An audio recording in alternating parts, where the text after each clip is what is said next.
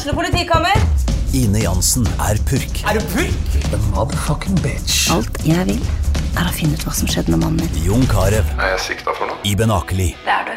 Ole So, Lars Berrum og Big Daddy Karsten. Hvem sin side er du på, egentlig? Anette Hoff, Tone Danielsen, Kommer du fra Afrika? Jørnis Josef, Nesten. Kløfta. Trond Espen Seim, Det er synd å si det, men det var feil mann som døde. Purk. Premiere tirsdag på TV2 Play.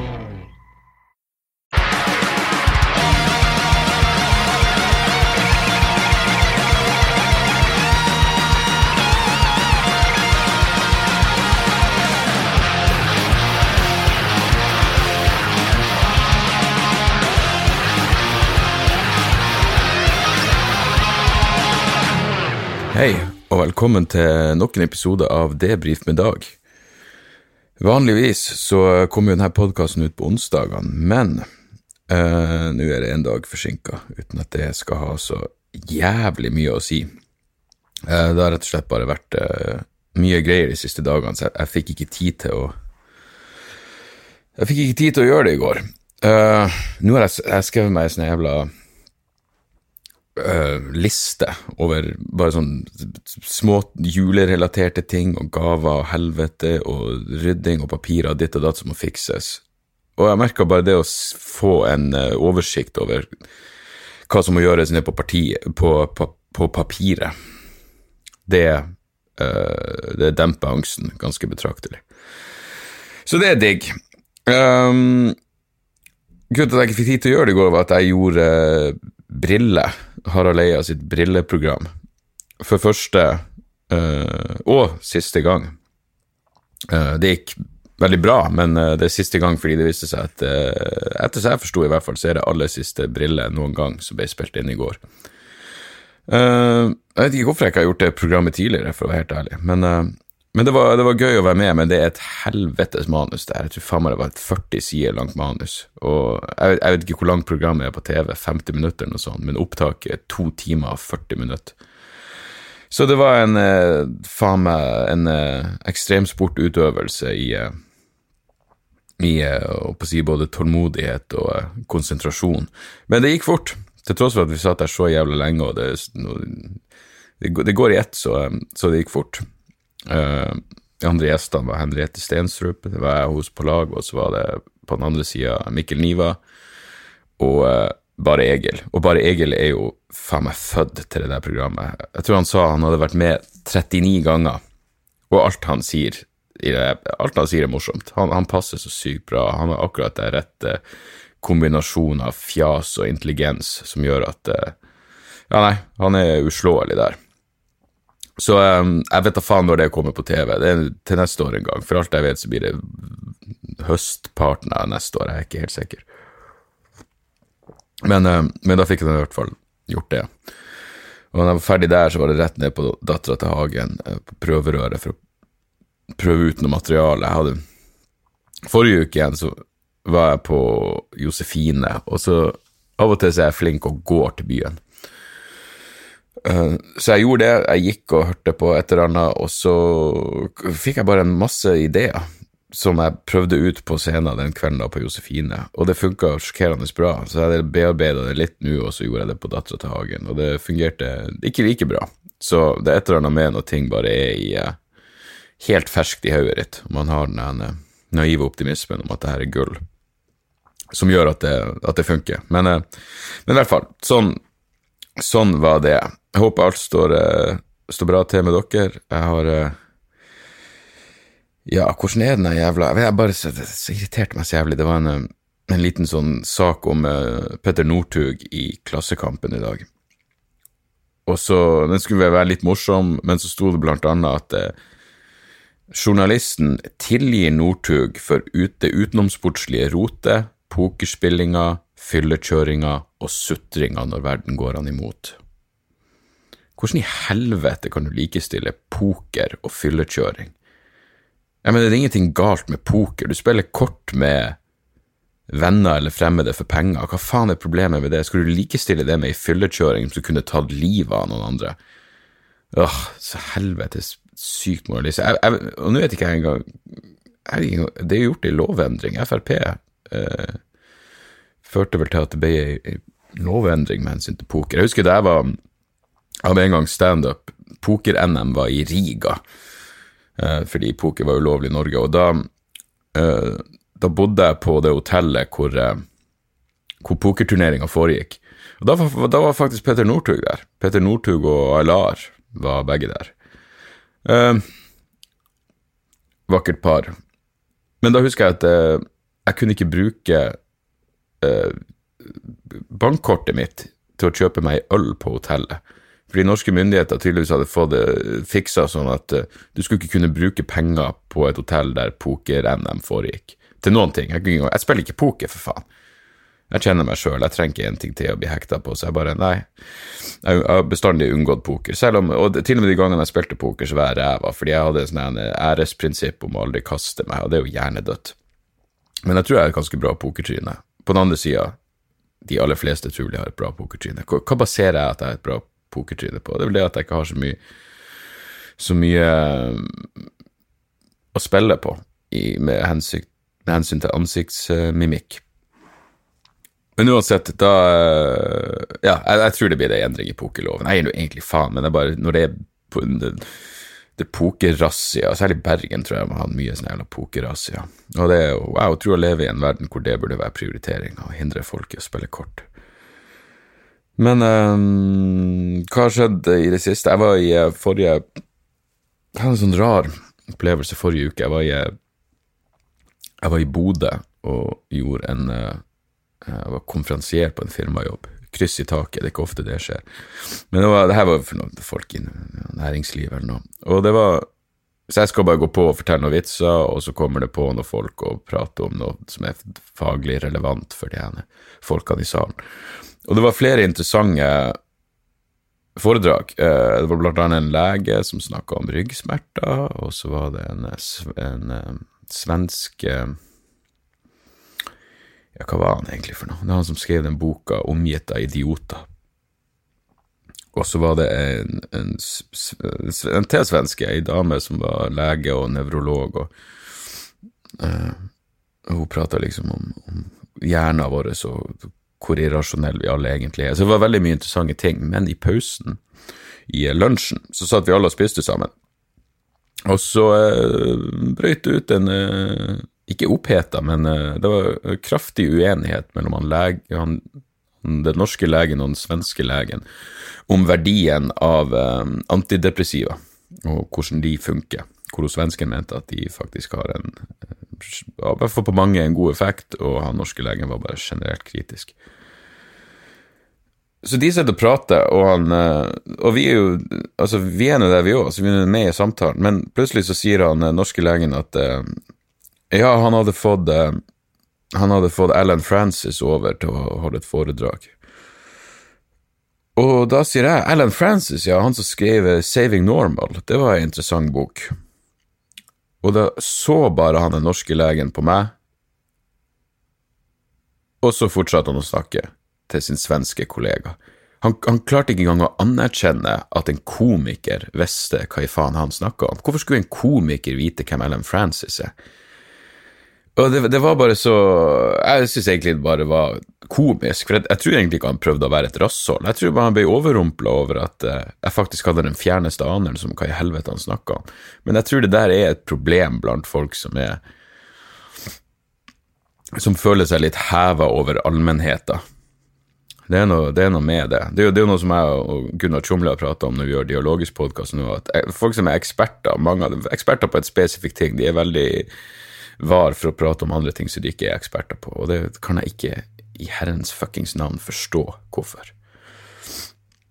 Men eh, ja, nei, så det var, det var, det var en, interessant ting å, å merke seg. Uh, og uh, ja, og så, og så, det var vel da forrige onsdag. Og så i helga hadde jeg jo avslutninga på, på demokrati. Um, og det var interessant. Når jeg ble forespeila Fordi jeg hadde allerede vært i Bergen, så jeg liksom gjort en Jeg var storfornøyd. Det var noen av de beste showene på hele turneen. Var nede på Ole Bull. Nydelig scene, lavt under taket. Perfekt. Men så vil jeg vel uh, si rett ut at jeg ble overtalt til å gjøre to show oppe på Ole Bull på storscenen, og det var fordi Ole Bull sa nei, men ingenting annet som skjer. Og jeg bare, men faktisk, det, det er i desember, da må jeg prøve å kjempe om julebordspublikummet. Hvordan skal det gå? Uh, og, og, det er jo sånn Nei, men det, det er ikke noe spesielt andre show som skjer. Ok, men da er det jo greit. Og, og det kommer til å bli utsolgt. Ja, ok, flott. Fikk en god deal.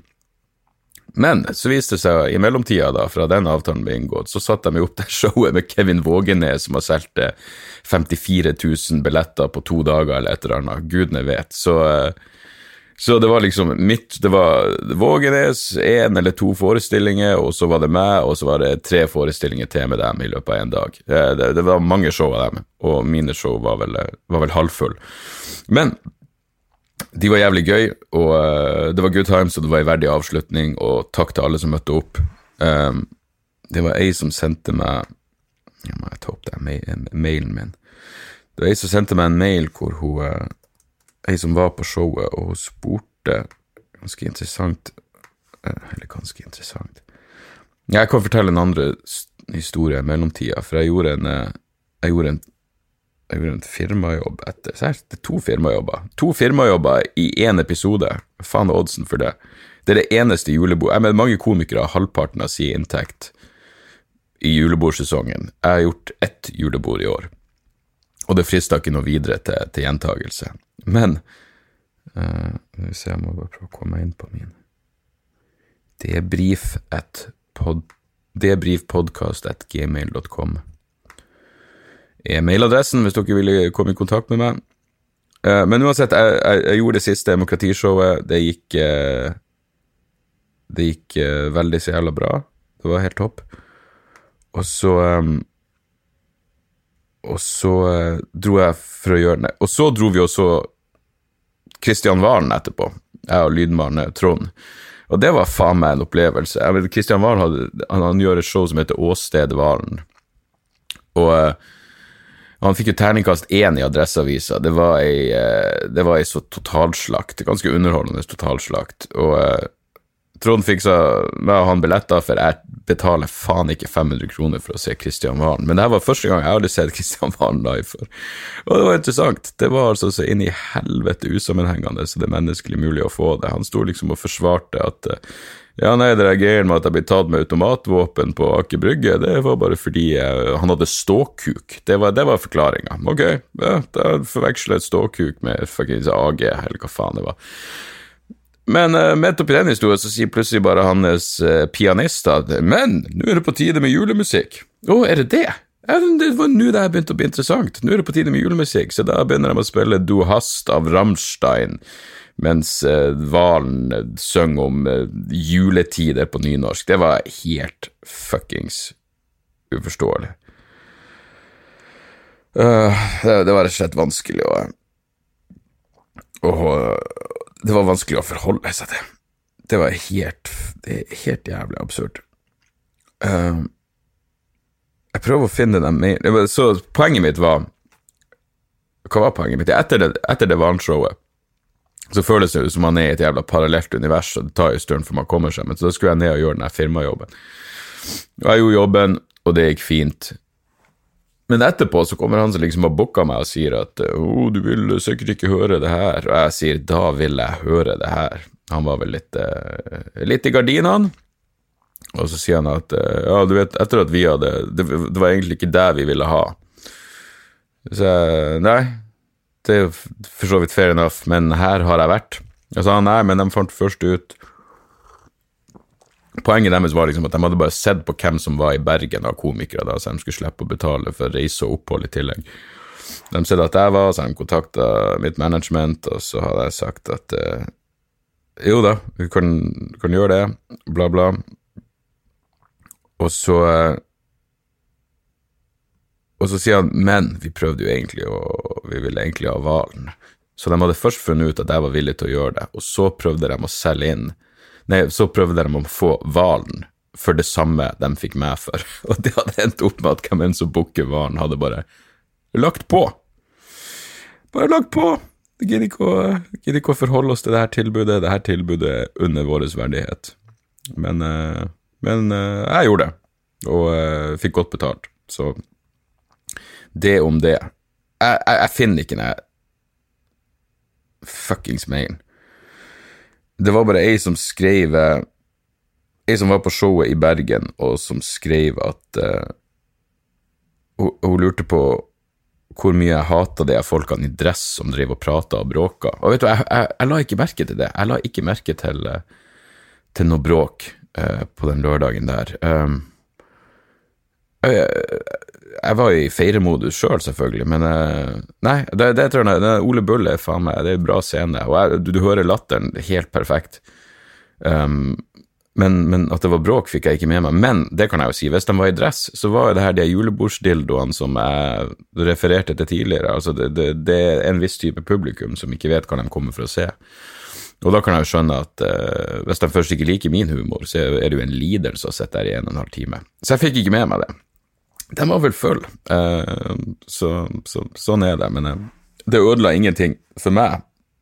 hun skrev vel også burde jo ha hatt denne jævla Men hun skrev vel at det, det, en, mange folk driver og hysja på dem. Og, uh, du, her fant den. Uh, Julie skriver takk for showet i Bergen. Dro med meg samboeren min, som egentlig ville være hjemme og se fotballkamp, og var derfor veldig engstelig for at han ikke skulle synes du var morsom. Det trengte jeg visst ikke være. Han, selv, han lo selv av dine mørkeste vitser, og fotballkampen var nesten helt glemt. Takk for at du ga oss en bra kveld. Og forresten, fuck you til guttegjengen i dress som satt foran oss, som prata høyt, var ufine med folk som forsiktig hysja på dem, og tilbrakte 50% av showet ditt på vei til eller fra baren. Hva syns du egentlig om publikum som går frem og tilbake til baren under showet ditt? Altså, I utgangspunktet så er det ikke et problem med at folk går og kjøper seg en ny drink, men hvis de er flere, for det første, kjøp nå flere drinker på en jævla gang, og hvor mange ganger trenger du å gå i baren i løpet av 90 minutter? Jeg vet ikke, jeg er en dranker, og selv jeg klarer å redusere det til to. Må kjøpe flere drinker i slengen. Nei, fuck dem, de, de var jo åpenbart ikke der for å, for å se show, men hvis de var ufine med folk som hysja på dem, så da burde de ha blitt kasta ut. Så det her er jo, det er jo derfor det finnes vakter. Og i sånne situasjoner, så hadde jeg lagt merke til dem, så vil jeg få dem kasta ut. Da har jeg null skam på. Jeg mener, det er faen ikke mange ganger i løpet av et år at jeg får noen kasta ut. Ikke engang i, mange ganger i løpet av et tiår. Hvis du klarer å bli kasta ut av mitt show, da har du faen meg gjort en innsats.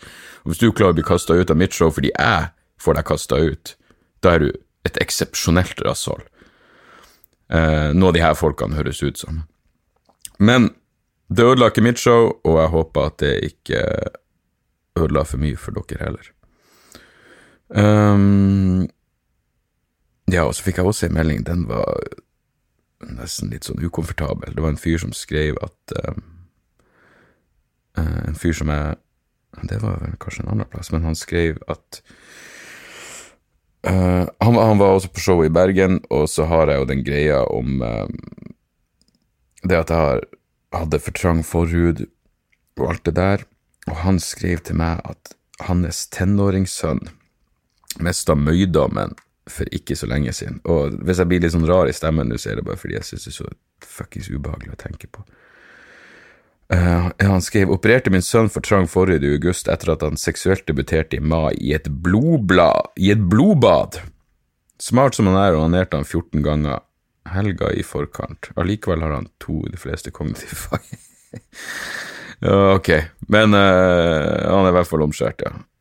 Han er jo det fucked up. Jeg tenkte ikke på det, at jeg mista òg møydommen med for trang forhud, men det gikk um... Ja, de av dere som vet hva jeg snakker om, vet hva jeg snakker om, og de av dere som ikke vet hva jeg snakker om, får sjekke ut demokratiet når det dukker opp på en eller annen digital plattform til neste år. Jeg gjorde også en podkast som heter Nekrologen mens jeg var i Bergen. Eh, så hvis dere føler for å høre enda mer av mitt jabber, så kan dere jo søke opp Nekrologen. De kom på hotellrommet mitt når jeg Jan Tore satt og drakk, og det her var på lørdags ettermiddag. Lørdagen, der, lørdagen i Bergen var faen meg lang. Først dro jeg ut til uh, min gode venn Kristoffer Schjelderup, um, som har show Nå skal jeg faen meg sjekke det opp. Han har show på Latter i Oslo uh, i januar.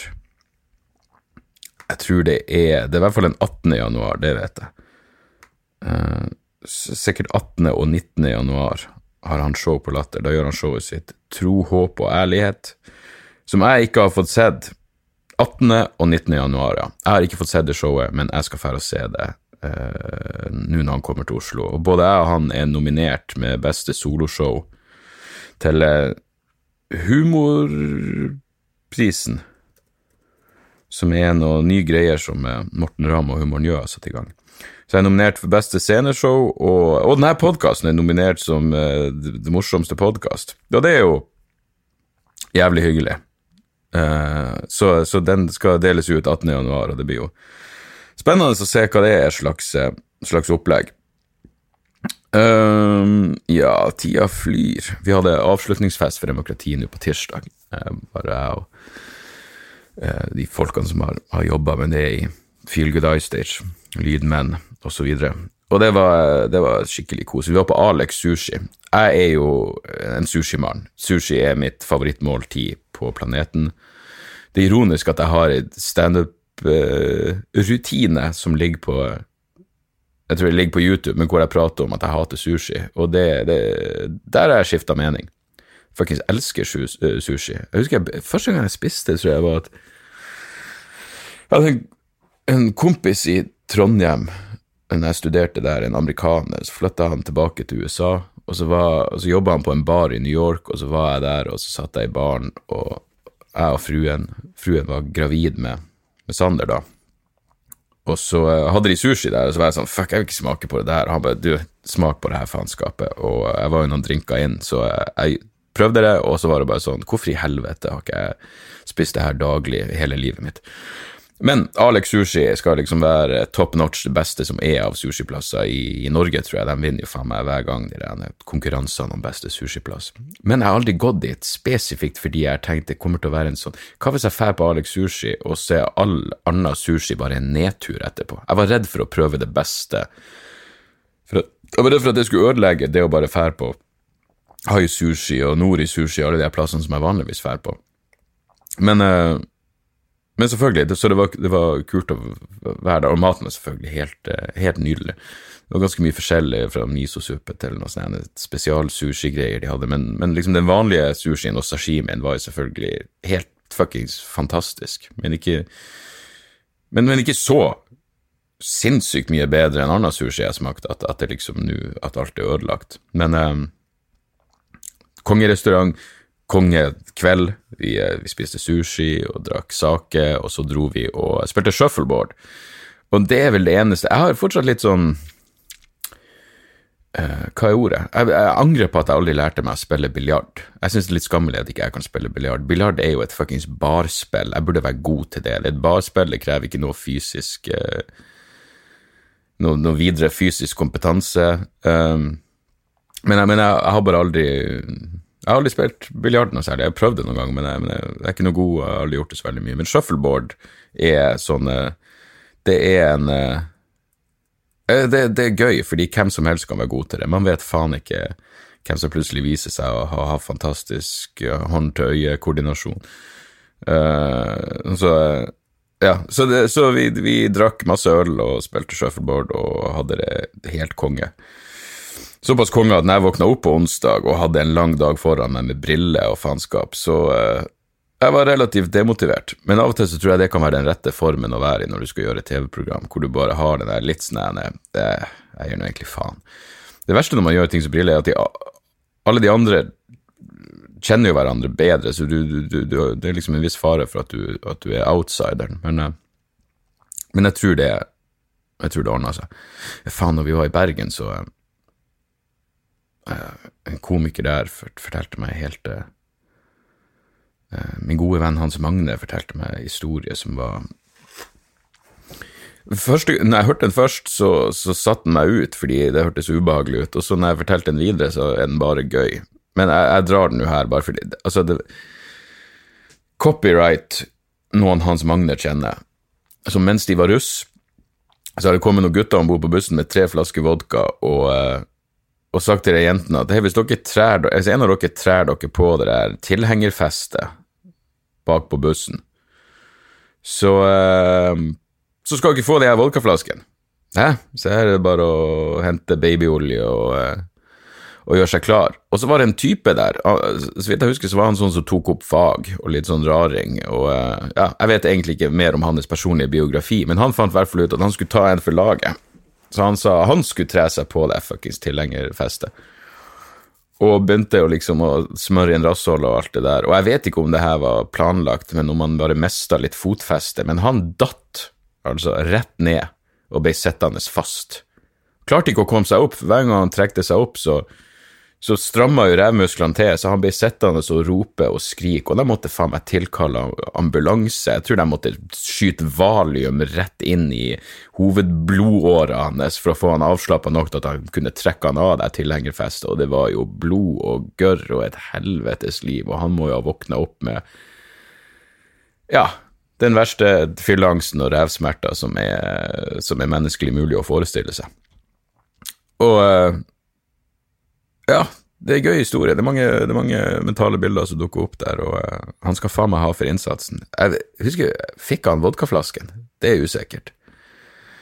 Eller om de her guttene med vodkaflasken bare fikk beholde spriten sin, og i tillegg fikk seg tidenes jævla underholdning. Ingen vet. Ingen vet. Men hvis du, tilhenger uh, tilhengermannen mot formodning skulle høre på, ta kontakt, for det der vil jeg faen meg vite mer om. Uh, ja, men uh, som sagt, demokratiet er ferdig. Jeg er så sinnssykt takknemlig for alle dere som har, uh, som har møtt opp. det har vært Det har vært den morsomste turneen og det beste showet, og dere har vært helt fantastiske. Så tusen takk for det.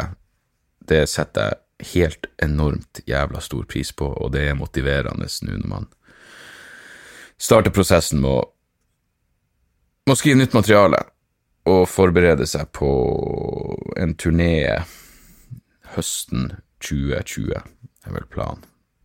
At det skal være premiere, da. Takk, folkens.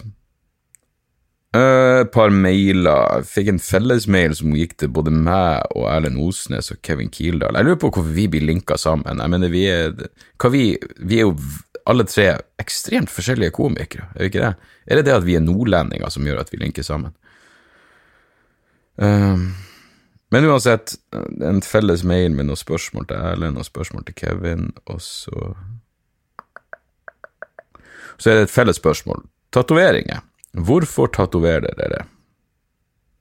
Hvorfor tatoverer dere? Jeg tatoverer ikke. Men setninga, spørsmålet 'hvorfor tatoverer dere dere?' er kanskje rart. Jeg går ut fra det, hun mener. Uh, kan det sammenlignes med at folk putter Restylan eller Botox i kroppen eller får plastiske operasjoner for å føle seg penere? Hva mener du om at f.eks. folk i medio 40-årene tar sin første tatovering, eller som 60-åring? Jeg har selv alltid ønsket meg en eller ti, men kroppen min er full av naturlige tatoveringer. Det vil si føflekker, gratis og uten smerte enn så lenge. Jeg vurderer å tatovere noe rundt en av prikkene mine på kroppen. Har du noen ideer eller meninger? Jeg har ingen ideer om hvilke tatoveringer du burde få, for jeg kjenner deg ikke. Meninga mi er at hvis du har lyst til å gjøre det, så gjør det. Uh, jeg tar tatoveringer for jeg syns det ser stilig ut. Det er ingenting annet, det er, ingenting, det er ingen mening i tatoveringene mine. Nå er jeg ferdig med Så høyrearmen min er dekt nå, og så å si alle tatoveringene har utgangspunkt i han HR uh, Giger, eller Geiger, han som blant annet designa Alien-monsteret. Um, så jeg, jeg, det får, jeg, jeg, liker sånn som det ser ut. Det, det, er ikke noe mer enn det. Og hele de ideene når folk er sånn oh, men det, hvordan blir det å se ut når du er 70? Hvem faen bryr seg? Da har jeg vel andre problem. Jeg er ganske sikker på at med fuckings potensiell stomipose og lettere demens og leverflekker, så er, det, er tatoveringen det minste av mine jævla problem. Så hvor nøye er det? Hva syns jeg om at folk i medio 40-årene tar sin første tatovering? James Hetfield i Metallica, var ikke han i midten av 40-årene før han begynte å tatovere seg? Hvorfor skal det være en aldersgrense på det? Faktisk er det jo mer logisk å ta den i Sånn som jeg fikk vel min første tatovering da jeg var i begynnelsen av 20-årene, og så fikk jeg min andre tatovering da jeg var i midten av 20-årene, og begge de er nå dekka til. Fordi uh, Jimmy på Hellspawn er så sykt mye flinkere enn som ga mine to første tatoveringer. Så sånn sett gir det jo logikk å ta det i midten av 40-årene, for da jeg da, da er du såpass uh, voksen skråstrek gammel at du, uh, at du vet hva du vil ha, og du kommer ikke til å angre. Du er over faktisk halvveis i livet da. Så det gir jo mening. Og hvis du tar første tatovering som 60-åring, fuckings gud velsigne deg. Uh, jeg vil også ha meg fra frabedt ideen om at føflekker er naturlige tatoveringer. Uh, men, men, det får nå så være. Men nei, kanskje Kevin eller Erlend har noe mer eh, fornuftig å komme, å komme der. Det Det har ikke Det har ikke Ja, det så også jeg var i den fellesmailen, så skriver hun liksom at hun har sett eh, både Erlend og Kevin. Så sier hun også en fantastisk opplevelse da du, Dag, var på Fjøsen. Det krasja litt, men nydelig kveld. Storkoste meg nydelig. Uh, det, det, er deprimerende å tenke på at noen har sett meg live én gang, og det var på Fjøsen. det der fuckings uh, fjøsbrann av et jævla standup-show som vi gjorde ute i, ute i annekset til Kevin. Um, ja. Så vi ser, det var det. Nå har jeg begynt å Noen tipser meg om det, at bare arkiver mailene hver gang du er ferdig. Så kan, kan, jeg ha dem hvis jeg skulle bli nostalgisk i en alder av 90 og sitte og se på alle mailene jeg pleide å få. Um, Kim skriver at han dro med dama på showet i, i Bergen. Hun var skeptisk, men syntes det var konge. Jeg har sett pris på at, uh, at dere bare drar med motvillige partnere av, av begge kjønn, og så uh, og så ender de opp og liker det. Det er jo uh, Skal vi se Så skriver X-fil og forakt fra Mathias på 23. Stor fan av podkastene, bla, bla, bla. Uh. Leverte nettopp inn en oppgave i X-Fil, litt inspirert av deg. Oppgaven handlet om frihet, meningsdannelse og politikk. Kunne det kommet utenom abort? En viktig del av frihet er jo nettopp kunnskap, logikk, sunn fornuft eller årsaksbestemmelse, etter hvilket filosofisk synspunkt man foretrekker. Debatten om, om abort diskuteres på helt feil grunnlag. Ja, alle mennesker som er født av menneskeverd, nei, en person med Downs får ikke mindre menneskeverd av å bli abortert. Hva med de menneskene som er både fysisk og psykisk handikappa, som ikke kan ta åpenbare valg eller snakke? Enkelte kan ha så vondt, enkelte kan bare uttrykke verbalt hva som er problemet. Det kreves en hær og egne bolig. Det her er en lang fuckings Jeg burde lest igjennom det her på forhånd. Hilsen Mathias, gutt på 23 med muligens mangel på empati. Sorry for lite struktur og eventuelle feil. Jeg er langt nede i noen gode flasker. Åpenbart. For uh, han, han, skriver bare sine synspunkt på downs og abort, og, uh, og det kan være interessant nok. Uh, jeg, jeg, har jeg, jeg trodde jeg var ferdigprata med akkurat det temaet, men nå har jeg en ny chunk materiale om, om akkurat der downs sa abort, så vi får se. Det kan godt hende det opp, dukker opp i det, i det neste showet. Hei, jeg vil gjerne være anonym. Det skal du få være. Først vil jeg takke deg for en jordnær, lattermild og oppløftende podkast. Leverer til terningkast seks på alle plattformer. Årets podkast i mine ører. Så jævla hyggelig å høre, mann. Mister Anonym. Så over til årsaken til at jeg sendte denne mailen. Viggo Kristiansen, Baneheia-drapene, justismord. Om du har lest deg opp på dette, hva tenker du i denne saken? Kan man stole på at dommen er riktig når det ikke har forekommet noe DNA-bevis på Kristiansen, og når eneste bevis er medtiltalte sin forklaring, som for øvrig er full av hull? Om du ikke har lest deg opp på akkurat denne saken, tror du justismord fortsatt kan skje i Norge? Jeg venter spent på å høre hva du sier. Jeg eh, venter spent på å høre hva du tenker. Uh, vi har et rettsvesen i Norge, så selvfølgelig kan det forekomme um, justismord. Uh, jeg prøver bare å komme på Noen sendte meg da jeg gjorde Sannhetsministeriet, så sendte noen meg ei bok om, uh, om saken mot Fredrik Fasting Torgersen, uh, som vel mye kan tyde på var et et justismord. Akkurat Baneheia-saken, det er faen meg Nei, først, Jeg har ikke lest den boka ennå, Baneheia-drapene, men jeg har lyst til å gjøre det. Og det har vært noe, noe debatt rundt den i, i, Aftenposten de siste dagene. Det virker veldig interessant. Eh, jeg kan huske Baneheia-saken. Eh, altså, jeg kan huske at jeg var på et kjøpesenter i Tromsø når de hadde tatt de to som ble dømt for det drapet. Jeg husker at de var klistra over forsida på VG. Uh, som var litt sånn etisk suspekt, for det her var jo før de var, var dømt for noen ting. Um, men jeg ble sjokkert når jeg uh, overfladisk prøvde å sette meg inn i argumenter for at Viggo Kristiansen er uskyldig. Uh, sjokkert, og jeg spurte også en, en advokat som um, som jeg kjenner, og han sa ja, ja, blant advokater så har det vært debatt om det der, og det, det er mange som tror at, um, at det kan være noe i det at han er, er uskyldig. Det eneste som eh, er åpenbart, er at han andre jævelen eh, det, det, er ganske sykt. Eh, hva i faen var det han heter for noe? Jan Helge Andersen, ja. Det eneste som er åpenbart og ubestridelig, er jo at han er skyldig. Og han er nå fri. Han er nå der ute. Han går faen meg fri. Han skulle springe Birken og var litt redd for hvordan det, om folk kom til å si stygge ting til han. Um, så jeg, jeg, må lese den, uh, den boka om Baneheia-drapene før jeg uttaler meg noe, noe, noe, videre om det. Men um, jeg er helt åpen for at det der er et, uh, et justismord, og et grusomt justismord. Om det jeg, jeg husker den um, Da uh, Viggo Kristiansen ble dømt, så mener jeg bestemt at uh, du har ikke lov til å filme folk når de får en dom, men Viggo Kristiansen begynte å flire når han fikk dommen. Og så sa advokaten hans etterpå at nei, men han tar det her veldig tungt. Og så visste TV 2 det opptaket. Og ja, det her går på fuckings hukommelse som er suspekt, men, men jeg mener bestemt at TV 2 uh, ble frifunnet, selv om de uh, i, Pressens faglige utvalg etter henne for å vise det, fordi de mente at det advokaten sa var så feil i en så alvorlig sak at, um, at det var liksom i det offentliges interesse å se hvordan han egentlig reagerte. Men nå er vel ikke Viggo Kristiansen den smarteste jævelen, og det er jo godt mulig at han tok dommen hardt, men at han rett og slett flirte fordi han er awkward, og hvordan skal du reagere hvis du faktisk er hvis du faktisk er uskyldig dømt. Jeg mener, det er vel ting som ikke tyder på at han er noe, noe drømmemedborger.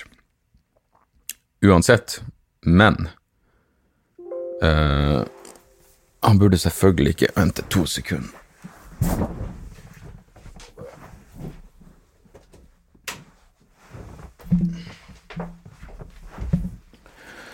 Holder på å miste strømmen på maskinen, og det ville jo vært kjipt nå når vi er nærmer oss slutten så inn i helvete. Så nei, jeg skal lese Drapen i Baneheia. Selvfølgelig skjer det justis, justismord i Norge. Om det har skjedd i akkurat denne saken, vet jeg ikke, men uh, det skulle ikke forundre meg. Um, bare et par veldig korte tips. Uh, uh, Marius tipsa meg om um, På Instagram så er det en konto som heter Three Panel Crimes som er ganske fantastisk. Det er bare tegning av drap. Liksom i tre, i tre ruter ser du hvorfor det skjedde, og hva som skjedde. Vel verdt å følge om du er den som har den type tilbøyelighet. Uh, uh, det var vel også Marius som indirekte tipsa meg om, uh, om Instagram-kontoen uh, Kan hete True Crime Mag, som også er ganske mørk og fucked up, men men interessant. Så den er verdt å sjekke. Og så Verdibørsen har en interessant serie på fire eller fem deler om kunstig intelligens, som er vel verdt å sjekke om, uh, om du skulle ha den type interesse. Vi, vi, må gi oss der, folkens. sorry at podkasten var en dag for sein. Takk for at dere hører på. Spørsmål, kommentarer, alt det der kan sendes til debrifpodkast.gmail.com, podkast med C. Rate og review, spre ordet om podkasten. Eh, jeg er veldig glad for at jeg får så mye mailer, jeg er veldig glad for at det virker som det er en, uh, en uh, solid lytterskare der ute som sjekker ut podkasten hver, hver, uke. Det, det, er derfor jeg gjør det her, ikke sant? Så jeg er glad i dere, alle som er en. til neste uke. Tjo og hei.